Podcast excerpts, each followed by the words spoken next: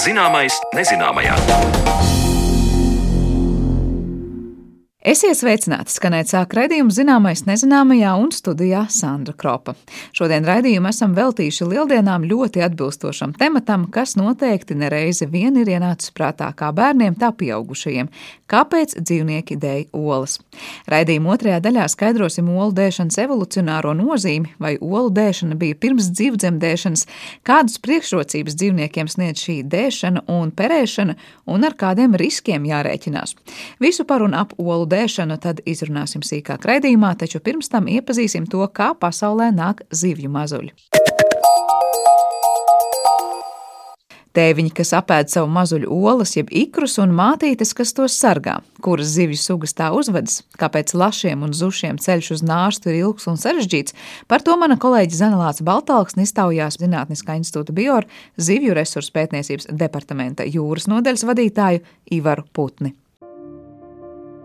Pasaules ūdeņos mīt aptuveni 30 tūkstoši zināmu zivju sugu, un ņemot vērā šo lielo daudzveidību, arī izdzīvošanas un pēcnācēju radīšanas mehānismi ir vairāki.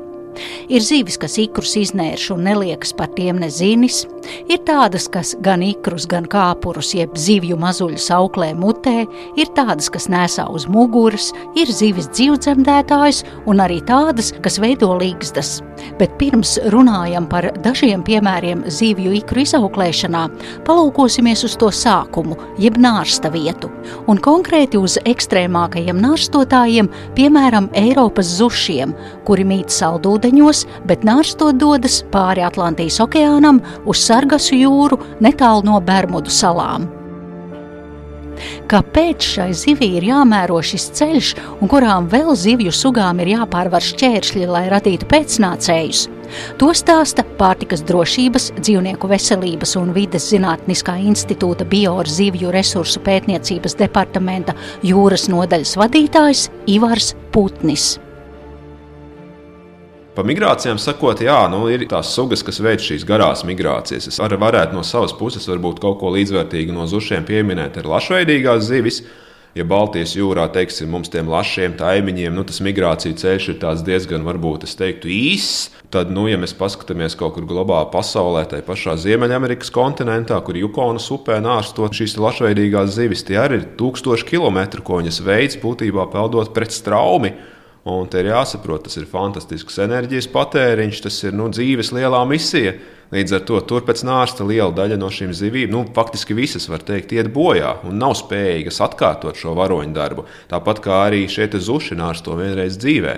Turpretī Baltijas jūrā, ja mēs skatāmies lašveidīgās zivis, nu, tad ir daļa no zivīm, kas spēj vairāk kārt veikt šīs nārsta migrācijas, un līdz ar to tā enerģija nu, nav tik liela nepieciešama. Bet, nu, protams, šis pielāgošanās mehānisms ir ļoti interesants un diezgan daudz teorijas, un es teiktu, ka nav līdz galam izpētīts pat kā tās zivis orientējās, jo arī tur var būt ļoti dažādi, vai tie geomagnētiskie lauki, nu, kā viņas nosaka to virzienu, galu galā, kā nonākt līdz tai sargas jūrai, tie paši zuši. Bet vai ir rasta atbilde, kāpēc? Jo es domāju, daba jau ir ieprogrammējusi jebkurai dzīvai būtnei, gan kukainis, gan zivs, gan cilvēks. Mēs meklējam tos vieglākos, ērtākos ceļus. Bet, lūk, kāpēc, ja mēs runājam par šīm mm. konkrētajām zivis sugām, tā tas notiek? Nu, te arī atbilde ir dabā jāmeklē. Nu, tā ir evolūcija. Un acīm redzot, suga meklē sev tos optimālos apstākļus, kurā viņa var to dzīves misiju veikt, respektīvi vairoties. Un atkal jau filozofisks jautājums, nu, kāpēc tie optimāli apstākļi tam zutim ir tieši tajā šaurajā rajonā, tajā sargas jūrā. Nu, līdz galam tas nav atbildēts. Mums ir jāsaprot, ka tas ir revolucionāri ļoti ilgs laika posms bijis, kurā šis pielāgošanās mehānisms ir izstrādājies. Ja? Un ļoti iespējams, ka tā ir bijusi kaut kāda lokāla populācija, kas ir apdzīvojusi to rajonu, tad, kad kontinenti vēl bija sabīdījušies kopā un tas okeāns bija salīdzinoši neliels tajā rajonā. Nu, tur ir dažādas hipotēzes, bet es teiktu, nu, tā vienkāršiem vārdiem, jā, nu, tā ir evolūcija. Un zivis meklē, kā izdzīvot un kā vairoties un, un, un kā sekmīgi eksistēt, un tie pielāgošanās mehānismi līdz ar to katrai sugai nu, ir specifiski. Jo faktiski visas sugas, kas mūsdienās dzīvo, mēs varam teikt, tie ir tādi nu, evolucionāri čempioni, uzvarētāji. Jo, ja mēs paskatāmies vēsturiski, nu, ļoti daudzas, ne tikai zivs, bet arī citas dzīvnieku grupas, nu, ir izzudušas, tāpēc, ka nu, nav spējušas pielāgoties. Un šie te ir tad, nu, visi šie veiksmīgie pielāgošanās mehānismi. Tā ir skaitā šādas trakas nārsta migrācijas, kas liekas, kāpēc tas ir vajadzīgs. Bet, nu, acīm redzot, tas ir veids, kā sugas var eksistēt. Skatot nākamo posmu, kad ikri jau ir iznērsti, kā jau sākumā minēju, te zivis iedalās vairākos tipos. Ir labie, rūpīgie vecāki, ir nevērīgie un ir viltīgie, kas uzgrūž rūpes par saviem ikriem citām zivīm. Vispirms ihtiologs Ivars Putnis skaidro ikru daudzumu attiecību pret izdzīvojušajiem zivju mazuļiem. Uzreiz es saku, ir jāsaprot viena lieta, ka zivīm ir fantastiska augsta mirstība ikra un arī kāpuru attīstības stadijās. Ja mēs iztēlojamies jebkuru sugu, paskatāmies, cik daudz tie ikriņi ir iekšā. Un, protams, tas skaits varēja no sugas, bet viņš nereti ir mērāms miljonos vienai mātītei. Tad mēs varam iztēloties, cik lielai mirstībai jābūt, lai vajadzētu tik daudz dzimumu produktus. Jā? Jo savādāk, ja viņi visi izdzīvos, tad mums ātri būs jūrā vairāk zivis nekā ūdens. un tad tālāk jau ir šie dažādas stratēģijas, nu, kā nodrošināt pēc iespējas augstāku šo ikru izdzīvotību. Jo galu galā, nu, pieņemsim, ja mēs skatāmies tā globāli jūras zivīm, un okeānu zivīm vairāk ir raksturīgs tas, ka viņas nerūpējās par šiem tikriem. Viņas nārsto ikri bieži vien ir brīvi peldoši, peleģiski saucami. Jā, Un būtībā tā viņu attīstība notiek bez vecāku rūpēm. Viņi tiek pārvietoti ūdens masas ietekmē, strauji ietekmē. Un, protams, arī attīstās nu, vietās, kur varbūt tie apstākļi nu, vienā gadā ir labvēlīgi, citā gadā nelabvēlīgi. Līdz ar to tā kopumā ņemot jūras zivīm, parasti tas ikru skaits, tā produktivitāte ir augstāka, bet līdz ar to arī mirstība ir augstāka. Liela daļa vienkārši iet bojā kaut kāda nelabvēlīga apstākļu dēļ. Ja? Nu, tad, protams, mums ir tādas sugas, kas eh, mēģina to ikru mirstību samazināt, rūpējoties par ikriem. Jā.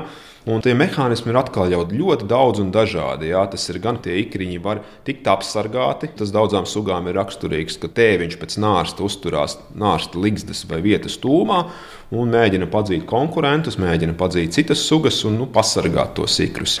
Tad ir sugas, kas ikrus iznēsā, jo, pieņemsim, arī ir jāsaprot, ka, lai ikrs izdzīvotu, tas nav tikai nu, tie apdraudējumi faktori, nav tikai ka kāds viņus grib apēst, bet arī nu, tīri vides ietekme kaut kāda nelabvēlīga.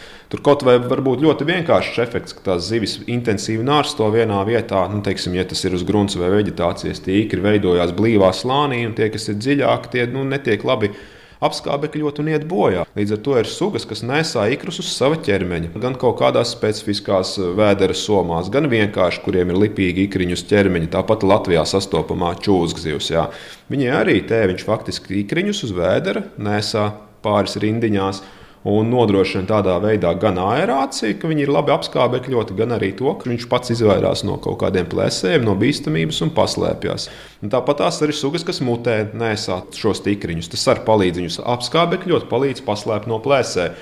Jo ikrs jau ir ļoti enerģētiski vērtīgs objekts ūdenī, un daudzas sugas meklē un barojās ar tiem ikriem. Un, un, un tas ir veids, kā atkal tiem, kas grib sekmīgi nāštot, pasargāt tos mazuļus un, un, un ikrus. Ja mēs pievēršamies varbūt tādam neparastākam šim ikru auklēšanas veidam, mutē nēsāšanai, kā tās zivs paņem tos ikrus, noteikti daudzumu mutē, un viņi vispār nevar vaļā kaut kādas dienas vai nedēļas. Jā, nu, Latvijā mums tādas sugas nav. Bet būtībā, jā, nu, paņemot mutē šos ikrus, viņa barojās droši vien arī ar ļoti, ļoti to muti plati nevarot, un lai tie ikri tur neizplūst pa visurienu. Protams, ka kāds tiek nozaudēts un tā. Bet kas ir interesants efekts, tad, kad tie ikri izšķiļās kāpuri, tad bieži vien arī šos kāpurus tā zivs var savākt mutē pēc tam, sasūkt iekšā. Un, un tad varbūt var minēt, ka ir tādi arī ļoti interesanti piemēri zivju pasaulē. Nu, līdzīgi kā putniem ir dzeguzes, kas mīl iedēt olas svešu putnu ligzdās un, un pašas nerūpēties par pēcnācējiem.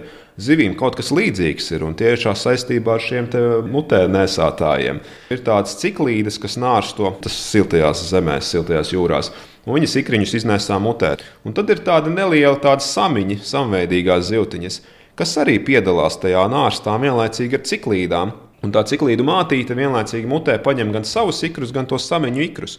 Un tālāk tas efekts, kas notiek, tie samiņi nobriest ātrāk, izšķiļās no ikriņiem ātrāk un izēt ciklīdu ikrus mutē.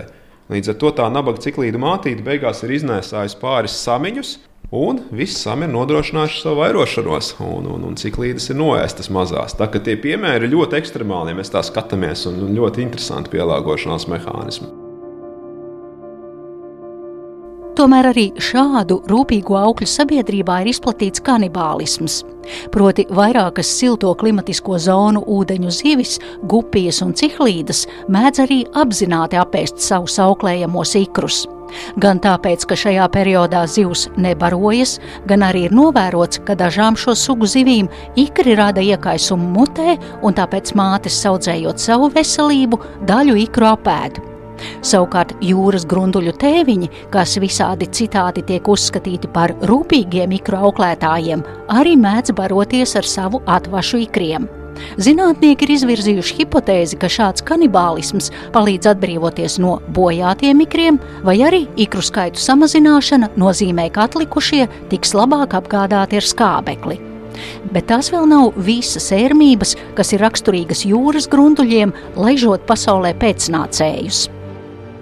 Vēl viens tāds piemērs ir mums apaļais jūras grundulis, tāda svežzemes suga Latvijā, kas arī taisa tādas kā nārsta ligzdas, un te viņš tāds ļoti dikti agresīvs un negants cenšas būt un visu dzīt projām. Un tur atkal ir tāds interesants moments, ka ir tēviņi, kas atgādina ārēji mātītes. Un tad, kad notiek tas nārsta process, viņi pie tās ligzdas arī parādās un arī pa vidu spraucās iekšā un liena. Un tas lielais alfa tēviņš, melnais, nu, viņš nenojauš, ka tas ir konkurence, un, un, un viņš viņu nedzen projām. Un beigās izrādās, ka tam mazajam tēviņam arī dzimuma produkti attiecībā pret ķermeņa masu ir lielāki. Viņš ir diezgan žiperīgs un viņš nonārs to. Un beigās tas lielais tēviņš sargā ne tikai savu ģenētisko mantojumu, bet arī šī konkurējošā tēviņa. Nu, tāpēc es saku, ka tā zivju pasaule ir ļoti daudzveidīga un tas ir tādi, nu, ļoti interesanti piemēri meklējumi. Un vēl viens moments, ko es varu pieminēt, arī, ka Ikra izmērs spēlē lomu. Ir jāsaprot, ka ikras būtībā tā, nu, tā kā pirmā attīstības istaba šiem maziem zivju kāpuriņam, kur ietver sevī barības vielas. Un, jo šis ikriņš ir lielāks, jo vairāk arī barības vielas viņam ir iekšā. Un nereti lielāks ikrs nozīmē arī dažādus citus plusus. Jā. Paņemsim tādu sugu kā mence Baltijas jūrā. Mence arī nērš peleģiskus ikrus, kas attīstās ūdens starpslānī. Un tur izrādās, ka lielākām mātītēm ir lielāki ikri un šiem lielajiem ikriem ir labāka peldspēja. Un ko tas dabā nozīmē? Dabā tas nozīmē to, ka, ja nārs to liela mēnesu mātīte, tas viņas ikriņš jūrā neiegrims tik dziļā ūdens slānī, tik lielā dziļumā kā mazas mēnesu mātītes ikriņš. Un, ja mēs paskatāmies Baltijas jūrā, mūsdienās ir tā problēma ar skābekļa badu, jā, ar skābekļa koncentrāciju, samazināt ūdeni dziļajos slāņos tad redziet, nu, tām mazajām mātītēm nav tik labi nārstošanas apstākļi. Tie ikriņi iegrimst tik dziļi, ka tur nav skābeklis un viņi iet bojā. Jā. Līdz ar to nu, redziet, kā no šī zivs izmēra lielā mērā arī nu, atkarīgs nārsta sekmes. Un lielākam ikram arī šim mazajam kāpuriņam ir lielāks dzeltenuma maiss, ar ko viņš var baroties ilgākā laika periodā. Jo tas jau atkal ir ļoti interesants faktors pēc nārsta. Šie kāpuriņi, tad, kad viņi izšķiļās no ikriņa, jā, viņi sākumā barojās ar dzeltenuma maisu rezervēm. Un tajā momentā, kad tas maisiņš uzsūcās, viņiem ir ļoti kritisks attīstības periods, jo viņiem ir jāatrod barība un jāpāriet uz ārējo barošanos. Un tad atkal ir jautājums, vai tā barība tajā vidē ir pieejama. Jo nu, tā zivtiņa ir maza, mums jāsaprot, ka tie ir mazi vēžveidīgie zooplanktona organismi, un tajā momentā, ja viņi nav pieejami, tad tie kāpuri nu, viņiem strauji vielmaiņi, viņi strauji iet bojā.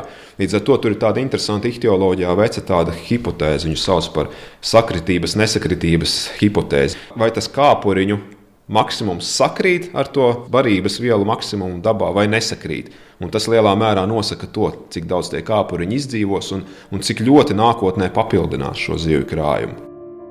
Ceļš līdz pieaugušai zivij ir sarežģīts un riska pilns. Vispirms nav zināms, vai ikrīs dzīvos.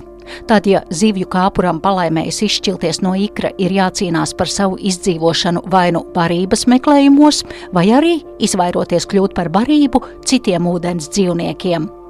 Kā dzirdējāt, daudzām sugām tieši zivju tēviņi ir tie, kas rūpējas par īkru attīstību. Un ne tāpēc, ka tie ir lielāki un spēcīgāki, bet gan tāpēc, ka te lieliski parādās dabas diktēta dzimumu vienlīdzība. Mātītes izdara grūto darbu līdz nārstam, un tad tēviņi sāk pildīt savus pienākumus, rūpēs par nākamo paudzi. Kāpēc tas tā, to skaidro ihtiologs Ivars Putnis. Un vēl viena tāda sakarība arī bieži vien, ka vairākām sugām tās mātītes ir lielākas nekā tēviņi pieaugušām zivīm. Un lielāka mātīte vairāk ikru spēj iznēsāt. Un, un ikru produkcijai ir vajadzīgs arī ļoti daudz barības vielas. Jā, mātītei labi jābarojās. Līdz ar to tēviņš var atļauties būt mazāks, bet mātītei ir jābūt lielākai, lai šo ikru skaitu producētu. Un dabā tas arī bieži vien tiek kompensēts ar to, ka tēviņš pēc tam atkal rūpējās par tiem ikriem un nu, tur to enerģiju ieliek iekšā. Paldies Zanēlācei Baltāksnē par sagatavoto stāstu. Dzirdējām sižetu par to, kā nārsto zivis, kā tās rūpējas par ikriem un kādus izaicinājumus šīm vēl nenobriedušajām zivīm ir jāpiedzīvo ceļā uz pieaugšanu, bet par to, kāpēc olu dēšana ir tik parocīgs vairošanās veids, saruna pēc brīža.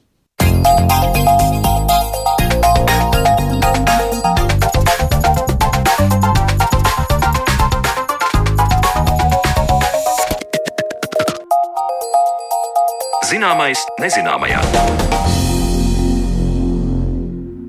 Ir ļoti daudz dzīvo organismu uz mūsu planētas, kas jau miljoniem gadu spēj vairoties veidā, kādu nekad nav uz savas ādas izbaudījis cilvēks, proti, dējot olas.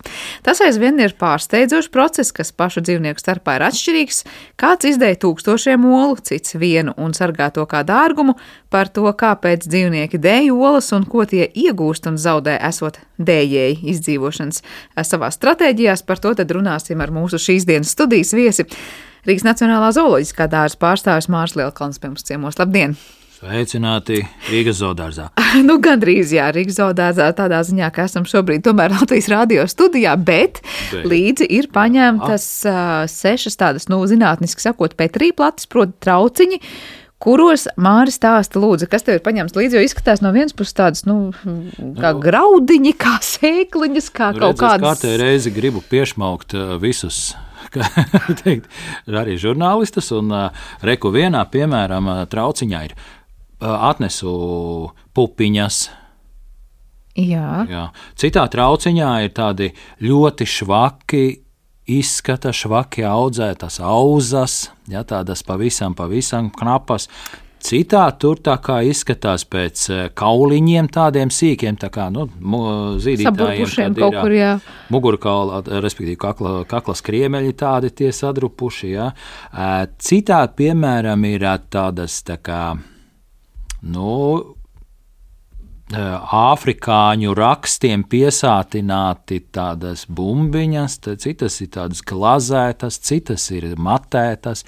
Citas garanākas, citas apaļākas, Jā. bet uh, es pieņemu, ka tās nav nekādas, ne, kā tu teici, auzas, nekas, kas te nav atnests, tās ir konkrētu dzīvnieku pārstāvju olas, kas tās ir izdētās. Kas ir tas, kas no, šajos trauciņos atrodas? Nu, jā, dzīvnieki jau arī mēģina šmaukties un, un, un padarīt tā, lai tās uh, viņu olas būtu līdzīgas videi, būtu nepamanāmas, lai galu galā viņām būtu lielāka iespēja izdzīvot. Nu, izdzīvot vismaz līdz tam brīdim, kamēr no tām izšķiļās kāds mazs kukainītis, jā, nu, nu, tad, tad, tad viņam rodās nākošā iespēja. Jā, nu, mēs nevaram šeit visu vizuāli parādīt, bet jo te ilustrē nu, tiešām tumšākas un mazāk tumšas, dažādu formu. Nu, tiešām izskatās kā tādas, nu, tas, ko mēs nezinām, bieži sēklas kaut vai lielumu, graudiņu lielumā. Jā, jā, ķimeņu sēklas. Ķimeņu sēklas un, un tiešām tādas mazas kā apaļas pupiņas, piemēram.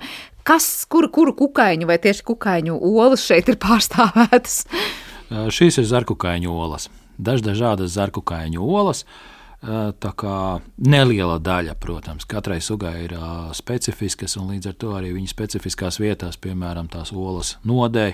Citi, teiksim, sēž uh, kaut kur augstāk lapotnē, un tās oliņas vienkārši nokrīt eh, substrātā zemē, un tur viņas arī attīstās. Citi tur var būt rūpīgāki vai mazāk rūpīgi. Kā, bet eh, tas, ka šobrīd, šajā brīdī mēs neredzam šīs olas, tas nav nekas, jo atnākot uz zoodāzu, šīs olas varēs redzēt eh, izstādē, olu izstādē. Jā, es gribēju prasīt, kas Rīgas zoodārzā šobrīd eh, tieši šajā kontekstā ir jā, jā. skatāms. Mēs esam eh, citus gadus arī šajā sezonā bieži vien runājuši par to, cik dažādas ir olas, ko izdēja nu, ļoti dažādi dzīvnieku pasaules pārstāvji. Es pieņemu, ka tās arī būs skatāmas. Jā, jā, jā protams. Krāsaināks, mazāk krāsains. Zoodārzā Zoodārzā Latvijas abinieku un rāpuļu zālē būs izstā, izstāde, kurā ir apskatāmas dažādas dzīvnieku olas.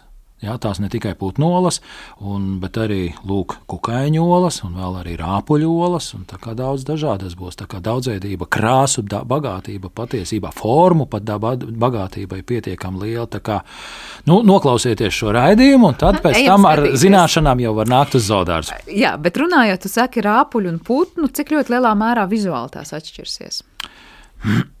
nu, lielā mērā tās daudz maz neatšķirās. Uh, lielai daļai no šīm olu ir uh, diezgan cieta čaumala. Uh, jāsaka, tā čūskām un ķirzakām čaumalai tāda diezgan mīksta, tātad tās ir diezgan ādainas. Nu, tad, kad izlien no tās uh, nu, no tās olas izlien laukā mazulis, tā tā ola tā kā saplak, saplok, un tad, eh, nu, tā kā tā sačervelējusies, sačervelējies pūpēdis apmēram sanāk. Nu, protams, sauguši kopā pat brīžiem, bet, nu, tās, ka, tiem, kam tās olas ir stingras ar stingrām čaumalām, nu, tur, protams, tā forma daudz maz paliek, nu, protams, pārplīst uz pusēm un tam līdzīgi. Tur var teikt, ir tāda čaumala klasiskā, ja, vai jā, jā, nu, tas, jā, jā. kā mēs to ieraudzām. Nu, protams, forma, formas ir dažādas. Ja, nu, daļai ir apaļas, daļai ir iegarenas, tādas stipri iegarenas, daļai ir viens gals resnāks, otrs tievāks. Nu, tie, kas bieži iet kauties lieldienās ar olām, tie labi zina, kurš gals ir pirmais jādod olai, sist un tam līdzīgi. Bet, starp citu, kas pašā olā mainās no tā, tajā, nu, tas, kas tur attīstās, vai tā forma ir garanāka vai apaļāka, vai viens gals ir uh, nopaļotāks. Īstenībā. Īstenībā tur nebūs nekādas atšķirības, jā, teiksim, pa dzīvnieku grupām, bet tur drīzāk ir saistībā ar tiem apstākļiem, kādi ir šajā vidē sastopami.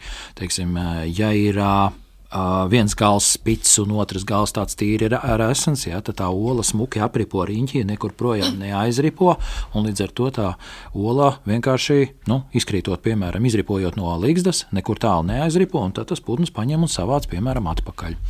Ir apaļas olas. Nu, tā lode jau patiesībā ir visizdevīgākā forma, jo tā ir vis, vislielākais apjoms pie vismazākās, vismazākā izmēra. Līdz ar to nu, tāds krāsas arī baltas un tā tālāk. Bet, Mēs jau sākumā nenoskaidrojām, kur ir tā dētās. Es tieši gribēju teikt, jo šeit mums ir kukaiņu olas, kas tiešām līdzinās vairāk kā tādiem graudiņiem vai sēklām. Jā. Tad tu pieminēji rāpuļu un putnu. Nu, mēs varam iedomāties, plus mīnus, bet uh, kas vispār dēļ olas un cik dažādas līdz ar to un ir. Cik daudz viņu tur ir? Jā, par, par skaitu mēs vēl arī tiksim. Jā, jā. Uh, tad, tad sāksim no viena gala. Zīdītāji dēļ olas. Ir piecas zīdītāju sugas, visi ir austrāļi, tātad četras ehidnu sugas un pīknābis. Tātad viņi izdēja olas, un no olām izšķiļās mazulis, kurš pēc tam ēd mammas pienu. Tā, tas ir izņēmums būtībā, jo tās Kaut ir tikai vidu, dažas, su, dažas sugas, zināmā mērā. Ja. Uh, pilnīgi visi putni dēļ olas. Ja, tur, tur, tur šī grupa ir pilnīgi vienu, vienveidīga un viennozīmīga. Uh, nu, tālāk braucam lejā, tālāk rāpuļi dažādi. Nu, tur arī ir krietni liela daudzveidība, bet tomēr tā ola tomēr ir pamatā. Daļa dzīvnieku, rāpuļu tieši, ja, ir oldējēji, tātad izdēja olas, un tās olas noliek piemēram inkubatorā, dabiskajā inkubatorā, tas ir siltā nu, teiksim, vidē.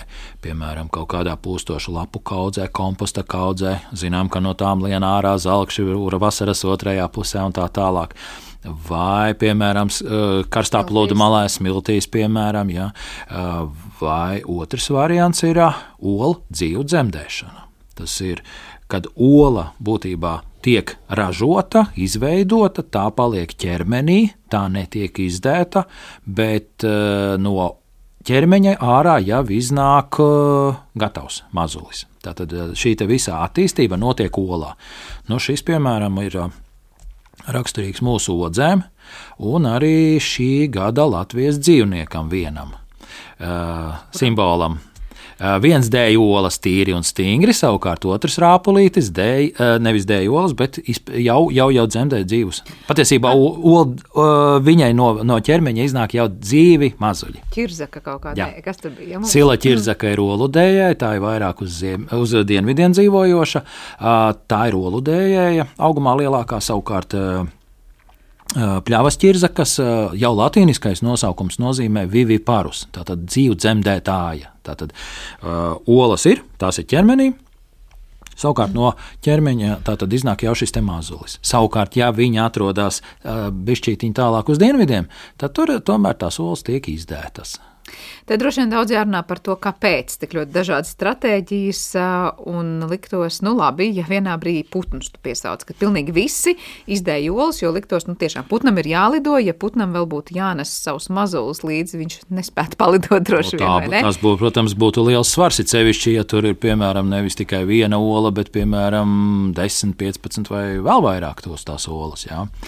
Nu, iedomājieties, kivi kuram ir relatīvi vislielākā ola salīdzinot ar visu savu ķermeni, ja, kur aizņem vismaz nu, 50%, ja ne pat vairāk no iekšējiem, teiksim, iekšējās organisma telpas. Ja, līdz ar to nu, Nu, tādu masu, tādu masu stiept līdzi, tas ir sarežģīti. Otrām kārtām ir tā, ka putniem ir ļoti augsta ķermeņa temperatūra. Daudz augstāka nekā mums. Un, kā mēs jau zinām, tad jau kaut pie kaut kādiem 40 grādiem tā ola sāk pārvērsties par omleti. Tad patiesībā putns var teikt, uzvārīt vai uzcept to savu nu, mazuli. Tā, apmēr, tā apmēram varētu sacīt. Tāpēc tomēr tad, uh, liekais svars un uh, šīs augstā ķermeņa temperatūra nosaka to, ka kaut kādā veidā tā ola jānoliek ir uh, drošākā vietiņā, nu tad, tad ja pēc tam jāsilda. Vienalga jāsilda, ja, bet jāsilda. ne tik ļoti kāds ir ķermeņa iekšējais tas karstums putnam. Ja? Jā, jā, jā. Bet kas notiek labi tajā pavisam dīvainajā olu dzemdēšanas fāzē, ka no vienas puses, nu kāpēc tas dzīvnieks līdz galam nav izgājis to evolūcijas ceļu, kas teiks, nu tad dzemdē dzīvu mazuli, bet tomēr no vienas puses solu, bet tad jau jādzemdē kā dzīvu.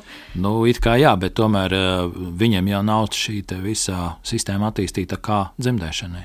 Tā tomēr ir olu dēšana, tikai olas attīstība notiek iekšā ķermenī. Tā kā Tā. Tad tur tas klupšanas akmens, var teikt, ir tieši tā dzemdēšanas fāze, kas nav tam dzīvniekam piemērota. Kur bija tas? Tas bija tās ķirzaks mums, nu, jā, arī. Jā, uh, pļauķirzaka. Jā. Nu, vienkārši tas ir arī zināms pielāgojums tam, kad, kā piemēram, nu, ir pietiekami augsts un varbūt tās tajā dabā varbūt neattīstīsies, neattīstīsies tik labi tur tajā vidē, nu, tad varētu, piemēram, ķermenī šīs olas attīstīties labāk, nu, un tad, nu, tad, tad jau palaižam ārā Jā, jo liktos, nu tad būtu ķermenī tā kā dzīvītāja lielākā daļa, vai ne? Attīstās tad jau līdz, līdz galam.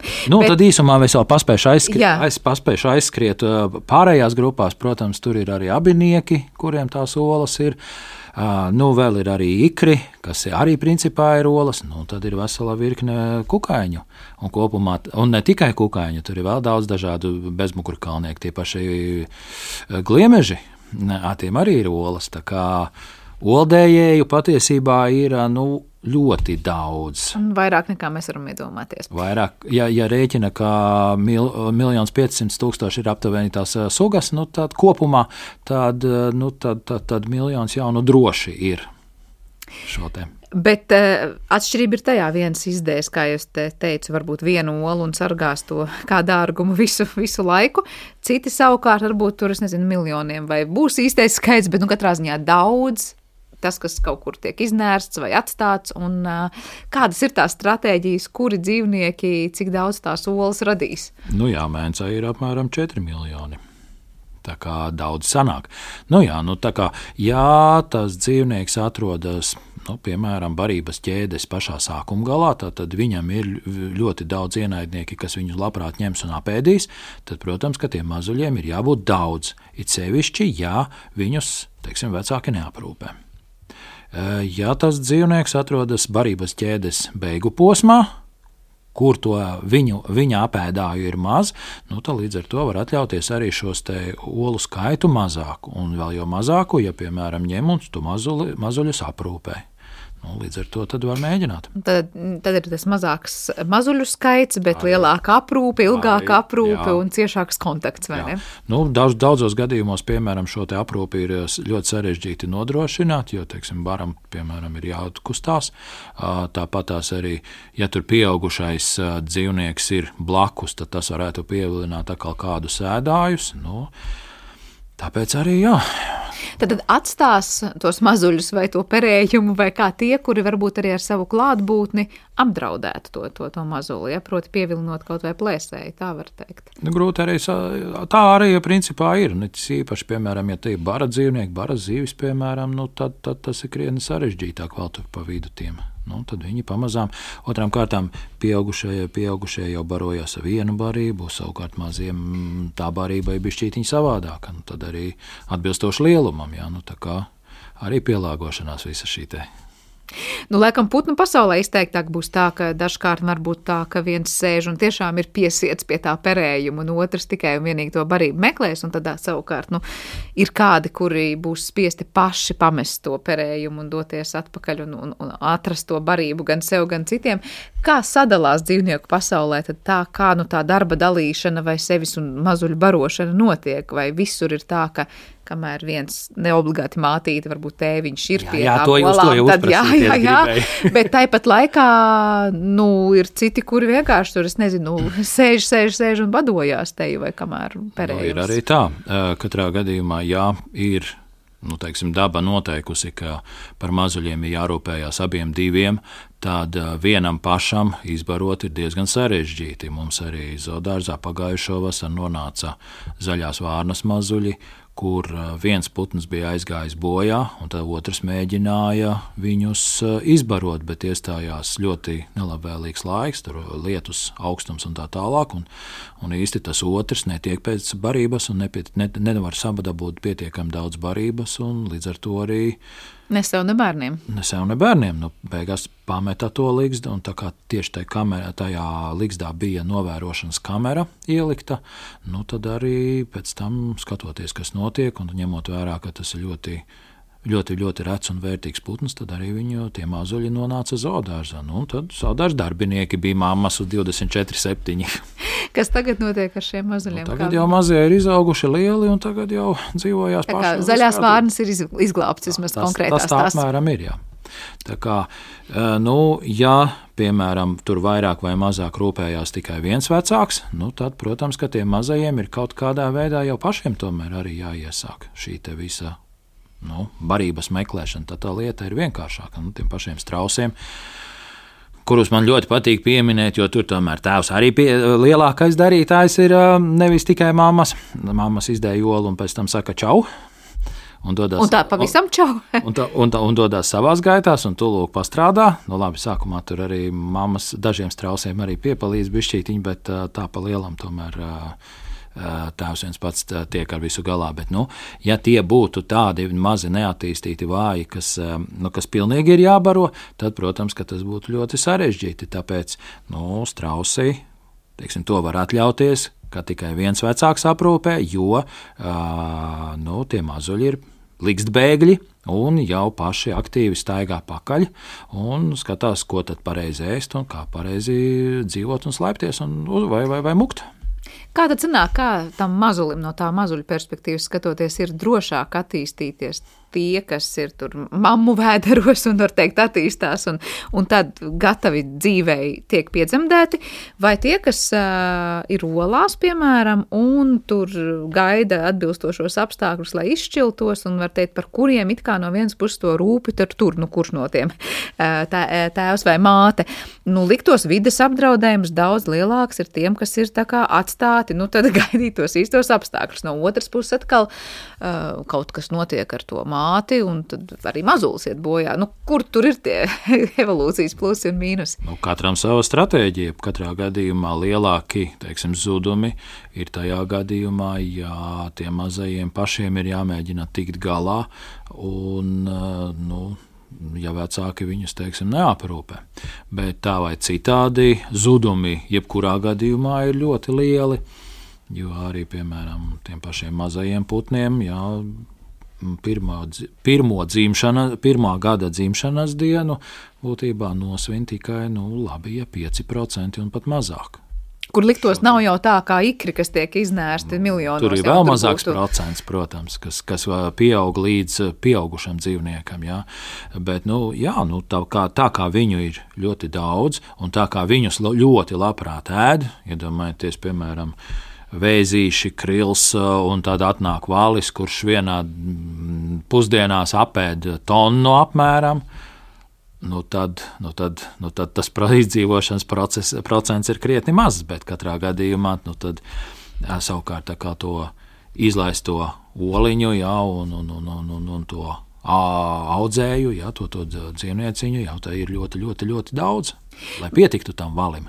Bet, piemēram, nu, bruņurupuči, jūras bruņurupuči, mēs skatāmies arī tiek izdētas olas, smiltīs atstātas. Jā. Un viss pēc tam tā māte dodas prom. Un tad, kad izšķiļās, tur neviens nepieskata to, to dējumu. Pieskata. Jā. Ļoti daudzi pieskata. Tiklīdz pamana, tiklīdz pie, pamana, ka tur kāds nā, sāk jau nākt ārā, tā visādi ēdāji ir. Ne, ēdāji, jā, es domāju, tie, kas, piemēram, nu nav tā, nē, nē, ka tur protams. otrs tur, piemēram, vai bara dzīvnieks vai kā citādi. Proti, var teikt, tās dējums ir atstāts likteņa varā. Jā, jā. Un tad, kad tas viss izšķiļās, tad cik apbrīnojam, ka tie bruņurupucēni jau tiešām liekas ir ieprogrammēti paši doties uz jūru, un tad jau laikam tas procents ar tur kārtīgi samazinās, cik izdzīvo, no, protams, cik neatdzīvo un tā tālāk. Protams protams. Var teikt, ka tie, kas ir lūk, tādi likteņi varā pamestie, ja tā var teikt, ir tad vienmēr tie, kuriem jau tas instinkts ir gatavs, vai teikt, dzīvei gatavs, tad, kad izšķiļās, nu tad pats saprast, uz kurien ir jādodas un kas ir jādo, jādara un kāpēc uz to jūru ir jāiet. No kā savādāk? Ja viņam nav neviens, kas to iemāca,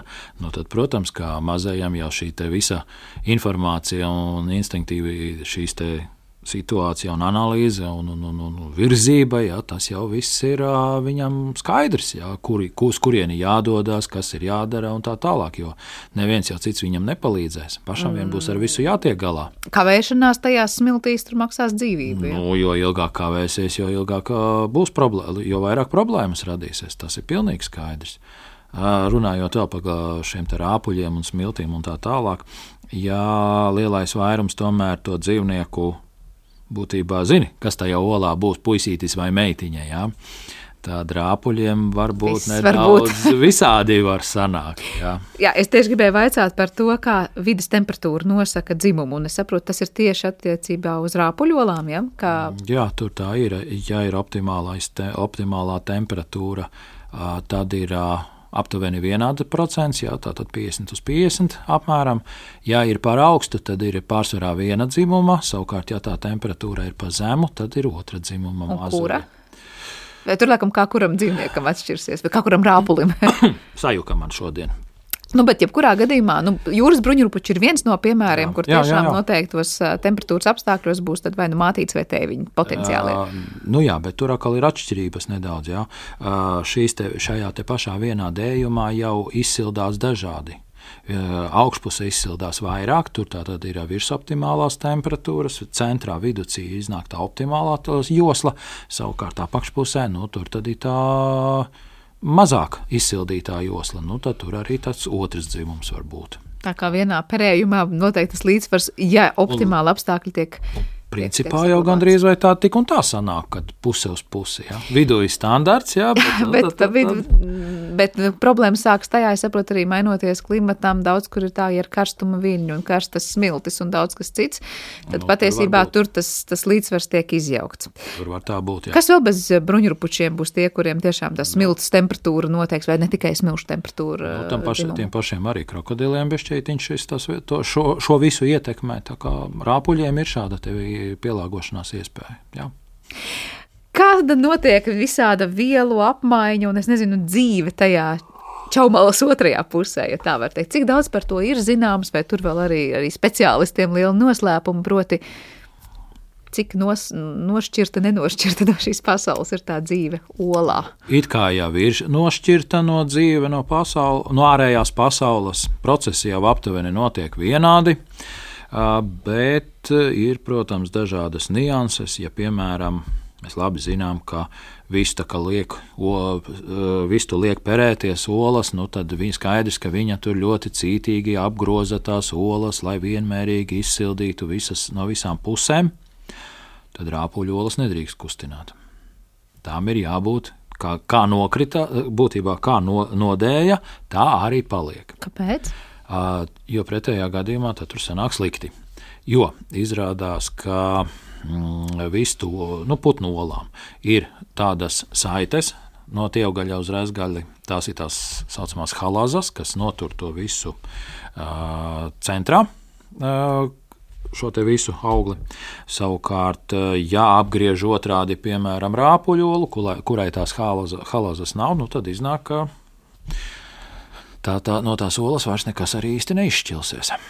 Tā kā viņām rāpuļolām šādas lietas nav, nu, tad arī, tad arī, tad arī tā, kā, kur atrodas, kā noliktas, tā viņām arī ir jāstāv. Un tāpēc arī zoodārzā, piemēram, mēģina inkubatorā Uh, perināt, uh, inkubēt olas, rāpuļu tieši olas, tad to olu, kā viņai stāvēs, smuki pārliek precīzi tāpat tajā trauciņā, un tad liek iekšā inkubatorā. Bet tur tad galvenais nesajūt, kā saka, augšā ar apakšu un tā jā, tālāk, bet jā. vispār kustināt, tas arī ir diezgan risks kaut vai nesot nu, tad ļoti izma, uzmanīgi, tāpēc jau arī tā, tā, tā nešana tad ir jāveic ļoti, ļoti uzmanīgi un ne jau no pa lieliem attālumiem.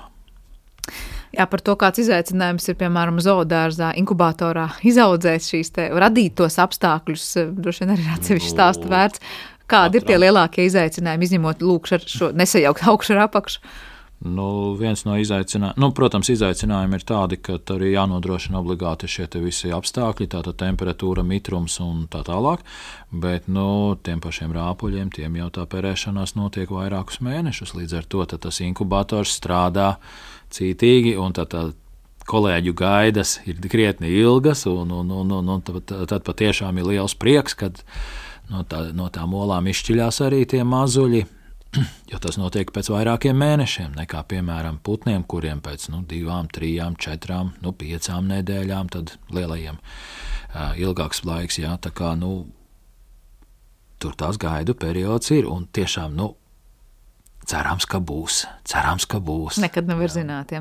Kā ir ar dažādu vielu apmaiņu un arī gaisa plūsmas apmaiņu, esot iekšā zem tās čaumalas? Labi, mēs runāt varam atkal piesaucīt čūsku olas, ja, kas patiesībā nav nemaz ar tādu čaumalu, kas ir ar tādu tā kā ādas Mīkst, apvalku. Ja. Jā. Tur droši vien tie procesi ir citādāki, bet nu, līdzīgi, līdzīgi, līdzīgi jau tomēr tie procesi. Un, nu, protams, kā elpošana notiek un uh, arī bišķītiņa jau apmaiņas notiek, bet vēl viena lieta, kas notiek, tā olas čaumala tiek iztērēta arī dzan kaula attīstībai.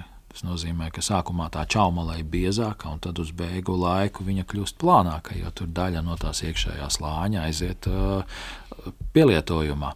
Un tad arī tas Te vēl ir otras, otras situācija, ka uh, tam, tam iemītniekam, kas tajā olā tur ir, tam tad ir vieglāk ņemt un izšķilties. Nu jā, viņš ir gan pats sevi, var teikt, izveidojis, jā, gan arī padarījis jā, plānāk tā. to čaumalu. Bet uh, tur, kam liktos, nu, visi, kas dēja olas, nu, tik cik tās barības vielas, piemēram, es nezinu, organismā bija, kad ola tika izdēta, nu, tik arī būs, piemēram, es nezinu, tur kalcijas tajā čaumalā vai kā citādi. To noteiks. Nu, nav tā kā cilvēkam, ka pateiks, nu, pietrūkst viens vitamīns, padzersim kaut ko klāt un, un auglis saņems to no mātes. Ja?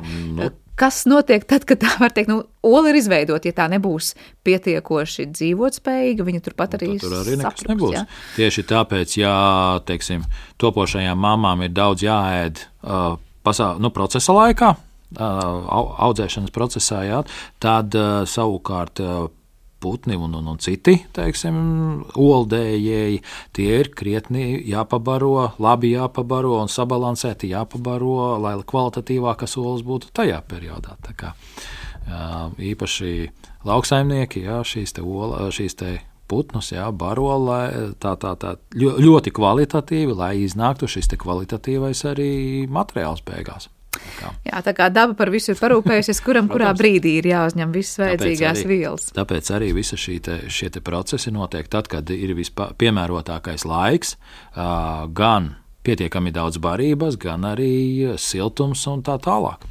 Tā kā. Eh, ja mēs par to evolucionāro vēl pusi parunājam, nu tad, sanāk, protams, mēs te varam runāt, kurš bija pirmais vistu vai ola un tā tālāk. Un tā joprojām tur, tur ir tieši tā, tur nav jautājumu. Mēs varam vēlreiz atgādināt. Tā tad pirmā bija ola, tāpēc, ka mums var teikt. Tāpēc, ka tās vistas vēl nebija, tad, kad olas nebija, bet, bija. Bet dēja ne tikai vistas, kā mēs redzam, no, jā. jā. Tātad kā ir ar kukaiņu pasauli un daudz ko citu, tur jau arī mēs. Nu, tie jau bija pirms bet ar visu to, ka dēļ olas, ja tā jā. var teikt.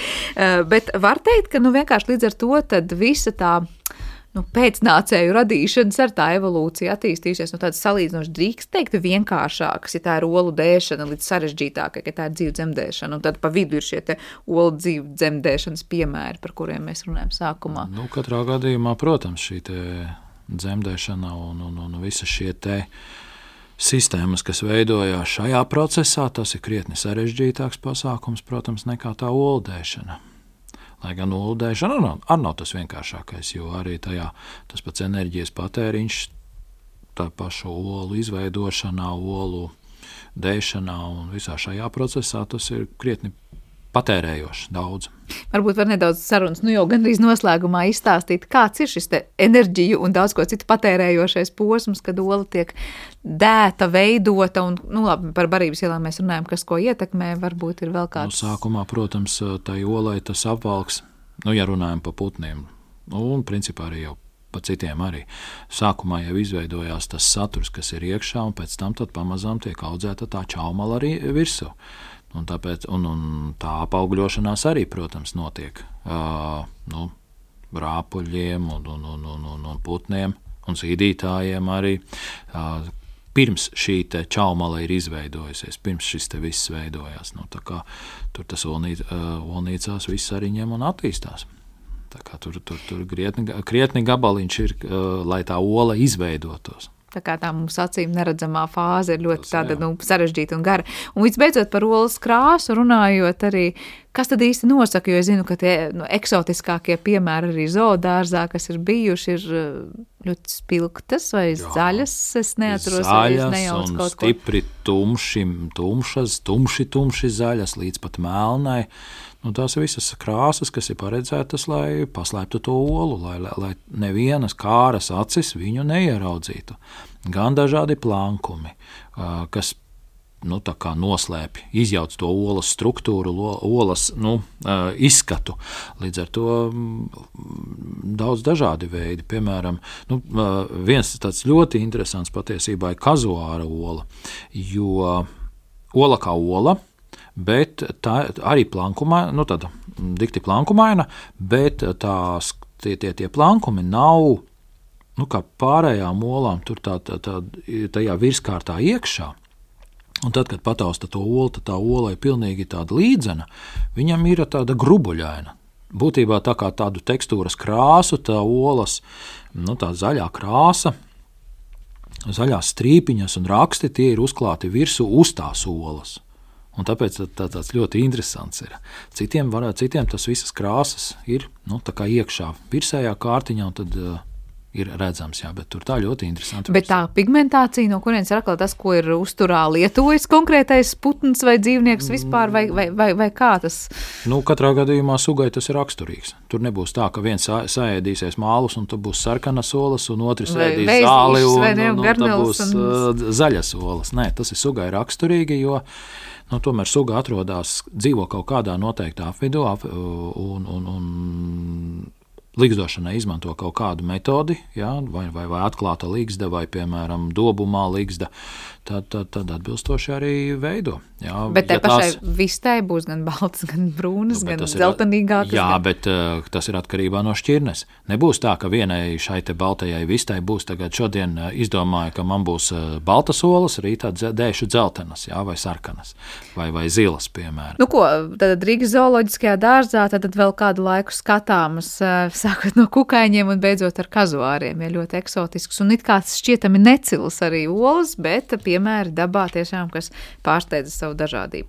Līdz kuram datumam Nu, līdz aprīļa beigām. Līdz aprīļa beigām tā tad ir ar ko skatīties, un es ceru, ka šodien dzirdētais tiešām būs rosinājis nevienu vien arī iedomāties, kā tas viss izskatās dzīvē. Mārs Lielkalns, Rīgas Nacionālā zooloģiskā dārza pārstāvis, bija šodien mūsu raidījuma viesis. Paldies, Māri, kā atnāci un pastāstīji. Paldies arī šī raidījuma producentē Paulai Gulbinskai, mūzikas redaktoram Girtam Bišam. Skaņu režijā bija Elizabete Šaicānova un šeit studijā es Sandra Kropa. Mēs tiekamies jau pavisam drīz. Visu labu!